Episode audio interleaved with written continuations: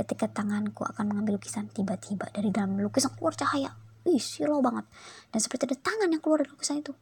Tangan kananku ditarik ke dalam lukisan. Ya Allah aku teriak kencang-kencang kan berusaha melepasin genggaman tangan itu.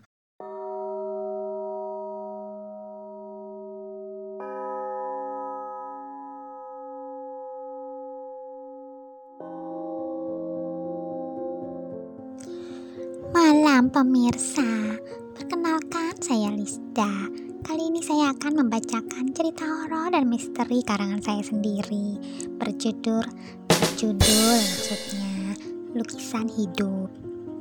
Cerita ini pasti banyak kekurangan di sana sini dan mungkin saja terjadi kemiripan dengan cerita lain. Tapi percayalah pemirsa, saya akan membawakannya dan gaya saya sendiri yang saya harap bisa menghibur pemirsa. Kali ini cerita saya mengenai tokoh bernama aku yang sedang menata ulang ruangan keluarganya. Mari kita simak ceritanya. ruang keluarga yang barusan aku atur ulang posisi perabotannya udah mulai kelihatan lebih lega sofa barunya diantar kemarin siang baru bisa hari ini aku atur lagi sofanya satu set dengan meja agak kecil dari sebelumnya dan bisa dijadikan tempat tidur juga. Ya lumayan buat selanjuran sambil lihat TV sofanya dideketin ke dinding menghadap TV di antara TV dan sofa ada meja kecil.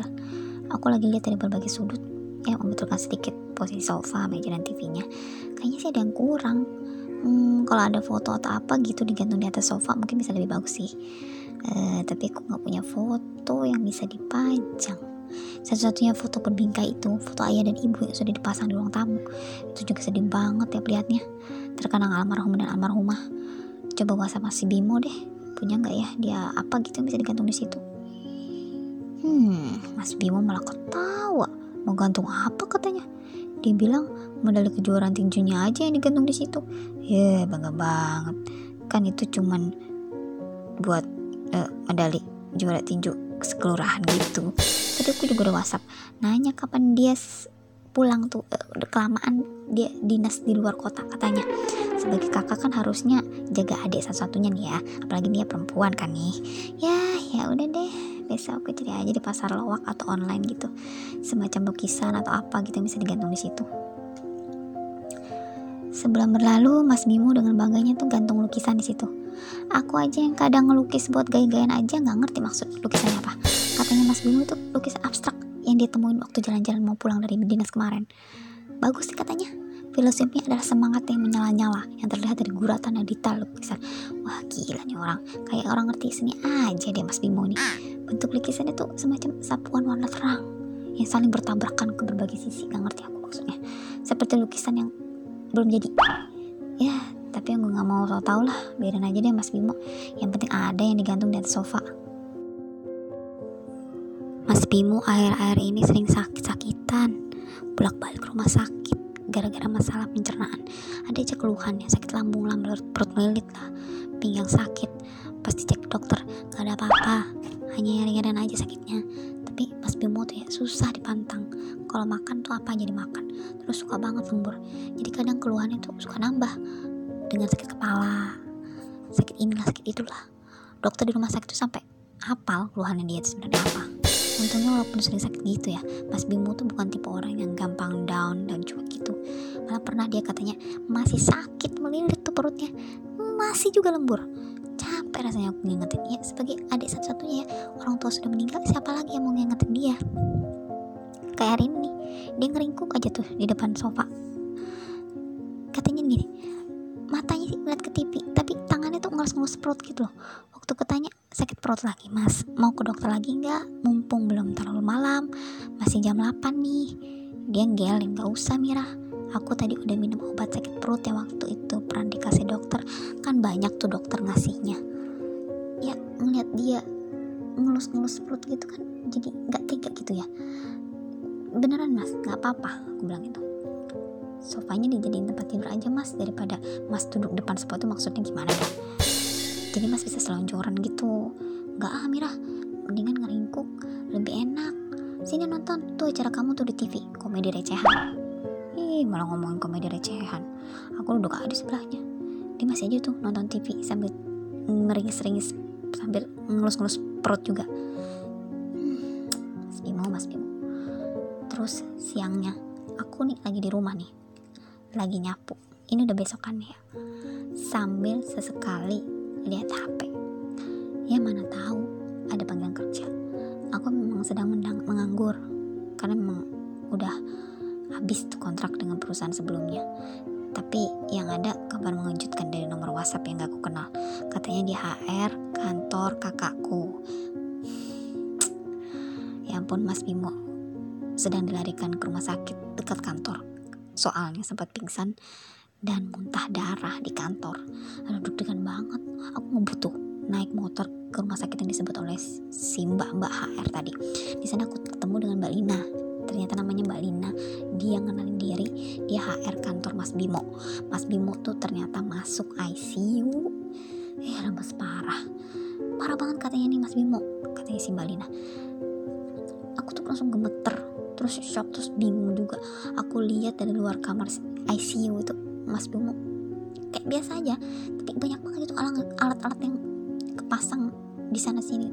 Alat buat jantung lah alat buat infus lah alat buat entahlah banyak banget kayak yang ditusuk ke badan dia gitu. Aku harus gimana ya?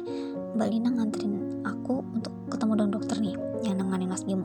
Terus dokter itu bilang sebenarnya dia juga kebingung gitu. Udah dites udah dicek. Gak ada yang nyebabin Mas Bimo tuh bisa harus ada dalam kondisi dia tuh harus di ICU sakitnya tuh hanya naik asam lambungnya aja udah gitu. Yang seharusnya bisa pulih setelah disuntik obat. Nggak usah pakai muntah darah segala gitu. Nggak usah pakai lemes dan pingsan dan gak sadar gitu.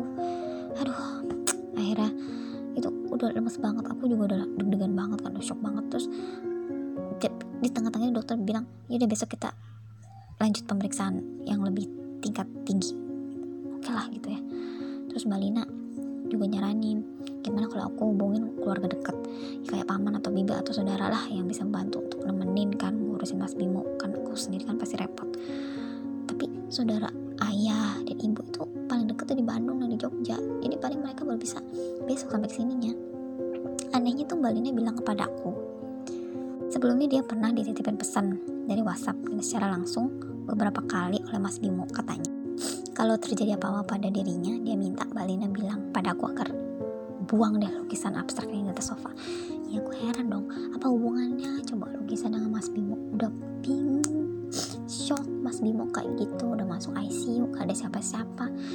Aku gak ngerti harus kayak gimana, bingung banget gitu. Terus tau-tau ada pesan kayak gitu dari Mbak Lina. Mbak Lina juga gak ngerti ternyata.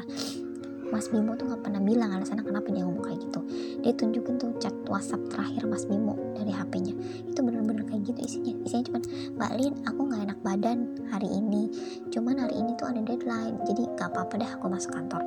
Tapi kalau nanti sakitku parah atau kalau ada apa-apa kasih tau adekku ya si Mira tuh untuk buang lukisan yang di atas sofa. Aduh gak ngerti lagi deh. Kenapa kan coba kayak gitu? So pesannya tuh kayak gitu tuh gak pernah terima gitu. Terus mbak mbak Lina juga bilang aku juga ngerti Mir katanya. Kenapa Bimo bilang begitu? Semenjak dia sering bolak-balik rumah sakit tuh dia sering ngomong kayak gitu WhatsApp kayak gitu. WhatsApp juga istrinya itu terus.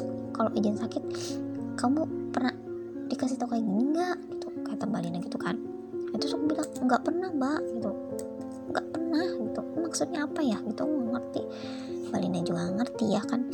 Ada kalau ditanya juga Mas Bimo tuh nggak pernah ngomong sekalipun atau ngebahas soal lukisan abstrak yang di atas sofa itu nggak pernah sama sekali ke aku. Terus baliknya bilang iya aku juga nggak ngerti maksudnya. Dia cuman dia bilang udahlah turutin aja kemauan Mas Bimo. Itu dia udah masuk ICU takutnya kenapa-napa Mir. Ya aku bikin bingung dong. Kenapa Mas Bimo pesan tuh kayak gitu gitu. Kenapa apa sih hubungannya gitu lukisan itu sama Mas Bimo nya kenapa pesannya kayak gitu? Aduh pusing kepala aku kan apalagi mas bangunnya lagi begitu kan lagi lemes gitu di ruang ICU gitu. Aduh gawat nih gitu aku bilang. Dia bilang Mas Bimo tuh suka cerita tentang aku di kantor katanya dia tuh bangga banget punya dia kayak aku. Kelihatan banget itu sayang banget sama aku aku jadi sedih ya. Terus mungkin ya dia dia bilang sih Mbak Lina bilang dia nggak pernah cerita tentang lukisan itu mungkin karena dia takut aku itu khawatir terus bingung gitu atau sedih gitu. Ya ya udahlah gitu.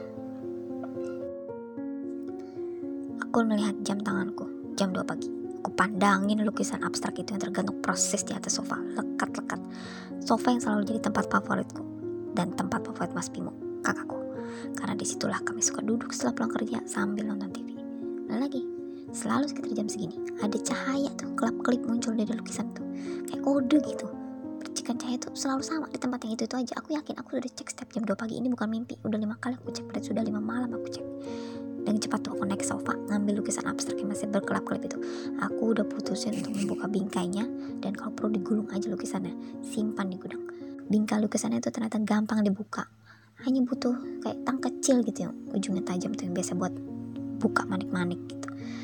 Pelan-pelan aku lepas aku lepasin tuh lukisan dari bingkai pelan-pelan banget. Takutnya lukisannya robek atau gimana? Aneh.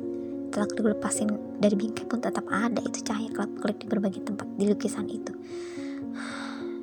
Dengan hati-hati nih aku meletakkan lukisan itu di lantai lalu dengan penuh keberanian nih dan rasa iseng juga aku nek menekan tiap cahaya yang berkelip di lukisan abstrak di ujung lengkungan di dalam kotak banyak banget. Itu aku ikutin tuh. Setiap kali sinar kelap kelip aku ikutin aku pencet tuh semua uh, cahaya kelap kelip itu.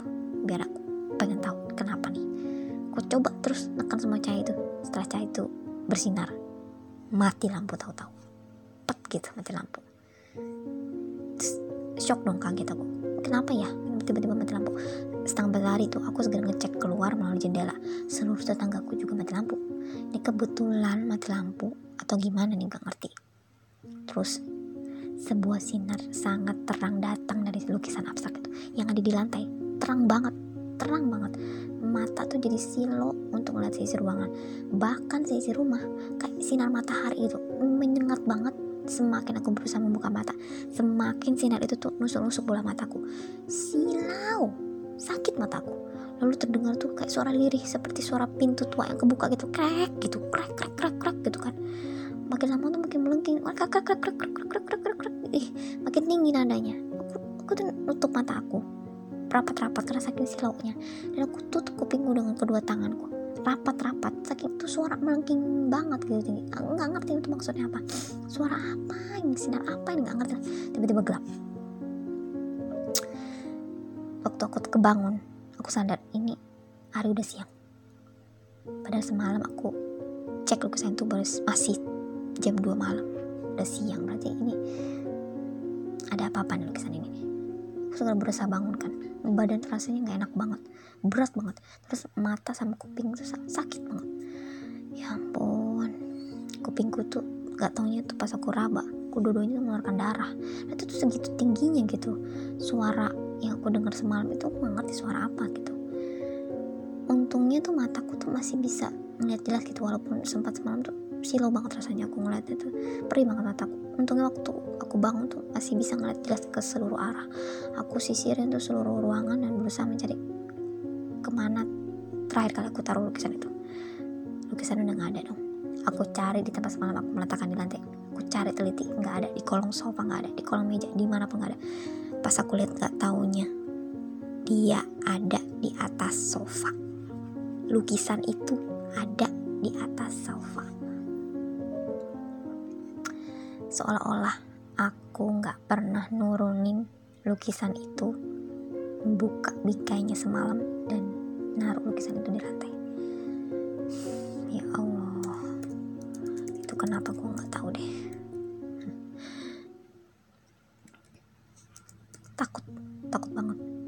nggak ngerti itu kenapa bisa begitu. Terus cepet-cepetnya aku ambil lagi lukisan itu aku naik sofa aku ambil sebingkai-bingkainya aku bawa ke rumah. Lukisannya cukup gede kan aku butuh dua tangan untuk membawanya sekitar satu meteran lah tuh lukisannya itu lebarnya itu terus bingkainya itu yang bikin memang agak berat bingkainya. Aku taruh aja bruk gitu di teras. Kadang ini yang aku pikirin aku harus buang lukisan sesuai dengan pesanan Mas Bimo. Aku harus buang lukisan perasaan gue udah gak keruan ini semalam udah gak keruan beneran dari cahaya itu terus langsung muncul cahaya terang langsung muncul suara kakrok kakrok gitu nggak jelas itu sampai palaku rasanya juga ini masih berat banget kupingku sakit mataku juga makin sakit. Ini pasti yang bikin Mas Bimo juga sakit termasuk ICU ini pasti gara-gara lukisan ini. Udahannya aku buang aja lukisan setelah aku buang tuh dua minggu sejak lukisan itu nggak ada Mas Bimo udah bisa pulang ke rumah. Katanya kondisinya udah mulai membaik kata dokter. Walaupun dokter masih sampai saat itu nggak tahu kenapa dia bisa sakit dan masuk ICU nggak ngerti kenapa bisa kayak gitu Mas Bimo nya terus sikapnya juga udah biasa lagi dan nggak pernah ngeluh. Sakit ini lah sakit itu nggak pernah bagus lah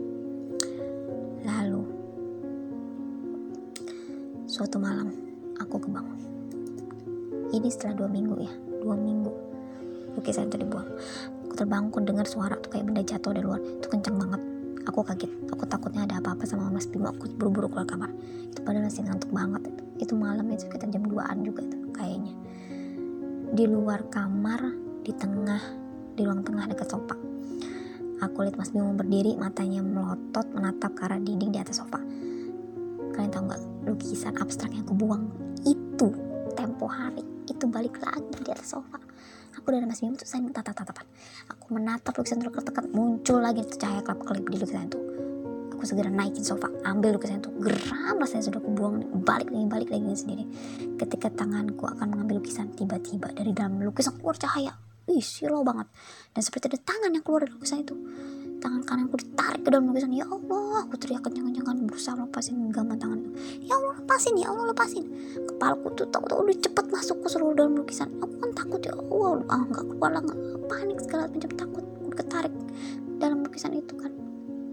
Tangan itu kencang banget itu narik aku tangan kananku lagi kan ditarik oh, aku nahan dong nahan badan aku supaya nggak masuk karena kepalaku tuh mau udah masuk dalam lukisan mana sinar tuh terang banget terang banget sampai mataku tuh perih banget kupingku aduh udah nggak keruan dah. Semua tuh rasa-rasanya udah nyampur dari satu panik bukan main.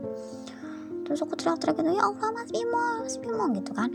Terus aku denger tuh Mas Bimo juga teriak-teriak manggil nama aku karena tangan masih dua aku berusaha nakan supaya badan gue yang kita masukkan nah, terus aku ngerasa juga tanganku yang kiri itu ditarik ke arah mana mungkin Mas Bimo yang narik kan. Tapi tangan yang narik aku ke dalam lukisan itu terlalu kuat. Leherku tuh sampai udah masuk. Jadi nggak cuma pala aku leherku juga masuk ke dalam lukisan tuh. Aduh rasanya tuh nggak enak banget itu tanganku ditarik-tarik gitu kan. Ditarik berlawan arah. Dengan sekuat naga tuh aku tahan supaya nggak masuk seluruh badan aku tuh ke dalam lukisan Mas Bimo tarik keluar pundak aku mas. Jangan sampai aku ditarik. Aku bilang gitu ya Allah ya Allah ya Allah gitu. Mas Bimo bilang Mira Mira Mira ya Allah Mira Mira Mira. Diambil gitu tarik badan. Gak ngerti lah aku gimana caranya itu Mas Bimo narik keluar dari aku badan aku tuh dari lukisan itu kan. Kayaknya tuh dia megang bahu aku oh, dia narik bahu aku terus dia megang pinggang aku gubrak gitu. Sampai berusaha kayak gimana cara itu? Aduh itu nggak ngerti lagi aku. Itu tangan itu kuat banget. Itu kok ngeliatnya kayak, kayak tangan gitu narik tangan kanan aku segitu kencengnya gitu. Sampai mas Bimo juga teriak-teriakan sampai Allahu Akbar Allahu Akbar Allahu Akbar gitu kan. Aku juga teriak antara nangis sakit terus panik terus semua rasa tuh kayak campur terus muka aku tuh rasanya panas banget gitu kan. Kayak kena matahari terik banget gitu. Tiba-tiba Mas Bimo berteriak gini lepasin Mira Eyang. Lepasin. Bisa ngomong kayak gitu tiba-tiba tuh tangan misterius hilang. Langsung dilepasin tangan kanan aku. Aku tuh kayak mental gitu loh. Terjerembab gitu loh keluar dari lukisannya tuh. Kan aku diri di sofa sampai mental gitu loh akunya. Gubrak gitu ke lantai. Mas Bimo juga jatuh juga gubrak. Nggak jauh dari posisi aku jatuh tuh kita tuh berdua tuh udah campur aduk deh tuh perasaan kaget takut lelah nangis segala macam. Oh udah, mataku udah perih banget. Terus dengan mata micing-micing nih aku lihat lagi lukisan itu. Dan mas aku lihat mas Bimo juga ngeliat lukisan itu sama. Itu cahaya ya yang menyilaukan tadi itu yang aku lihat. Itu berganti jadi kelap kelip di sana sini gitu. Balik lagi deh kelap kelip terus lama-lama kelip kelip gitu makin dikit makin dikit makin dikit terus hilang. Ya ampun mas Bimo kenceng banget. Kenceng. Kamu nggak apa-apa Mira. Tak kamu kenapa? Kamu nggak apa-apa. Dipegang sama badan bahu aku tangan. Terus aku bilang nggak apa-apa mas. Aku capek kan ya? Mat air mata tuh keluar, keluar deras gitu kan. Nggak apa-apa mas ini terus ini cuman memar aja ini tangan gitu. Memar tapi kayak kayak bekas genggaman gitu tangan kanan. Iya aku ngerasa tuh nah, kayak tangan. Terus aku lihat benar-benar kayak genggaman tangan biru gitu tangan kanan aku tuh. Ah, mas Bimo tuh alhamdulillah kita nggak apa-apa ya gitu. Akhirnya dia uh, aku juga lihat Mas Bimo kamu nggak apa-apa nggak apa-apa gitu. Padahal kan dia baru keluar baru dua minggu dia agak baik kan terus dia udah ngeluarin tenaga segitu gede pasti dia capek tuh kelihatan banget itu lelah banget. Terus Mas Bimo nggak apa-apa nggak apa-apa gitu. Mira itu tadi tau nggak? Itu Eyang Mira. Aku nggak percaya kan dengan telingku itu Eyang mana mas? Eyang kakak Eyang Putri. Terus Mas Bimo ngeliat lagi kan lukisan itu berdiri dia diri nih dengan ya terus dia bilang dua-duanya Mira yang kita dua-duanya terkurung di lukisan abstrak ini Mira. Kita nggak bisa membuangnya. Lukisan ini akan kembali lagi tiap kita buang. Maaf mas nggak cerita. Mas juga lihat cahaya kelap-kelip dari lukisan ini dari sejak awal. Jadi dari sejak awal lukisan ini ada di rumah tuh mas sudah lihat kata dia. Suatu hari karena geram nih kayak kesel gitu. Geram tuh kesel-kesel geremat-geremat pengen buang aja tuh lukisan kan suatu hari mas tuh pengen buang lukisannya tapi lukisan itu balik lagi balik lagi. Tiap kali mas buang balik. Tiap kali balik. Gitu terus gitu. Lalu mas tiba-tiba mimpi didatangin ayah sama ibu. Mereka bilang di sini tuh tempat eyang bersemayam. Jadi kamu nggak bisa buang. Gitu selama kamu yang masang tuh nggak akan pernah bisa buang. Mereka nggak bisa keluar dari situ gitu. Jadi ya udahlah terima aja gitu. Tapi sekalian kalian buang harusnya itu akan tetap balik lagi ke kalian gitu katanya ya Allah. Terus lukisan ini juga udah sempat dibuang sama ayah. Ya. balik lagi. Kayak kayak sekarang gini. Balik lagi balik lagi. Sampai ayah tuh berhasil membuangnya sebelum beliau wafat. Ke suatu tempat yang ternyata itu adalah tempat penjualan lukisan yang Mas Bimo datangi waktu itu. Aduh ya Allah. Aku menatap lukisan abstrak di atas sofa itu. Ada lagi cahaya yang situ. Aku dan Mas Bimo udah siap nih kali ini.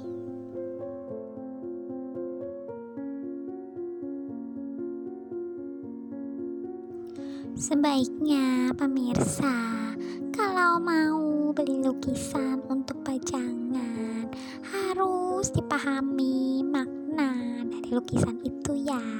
Jangan asal beli, karena kalau tak paham maknanya, kasihan sama pelukisnya.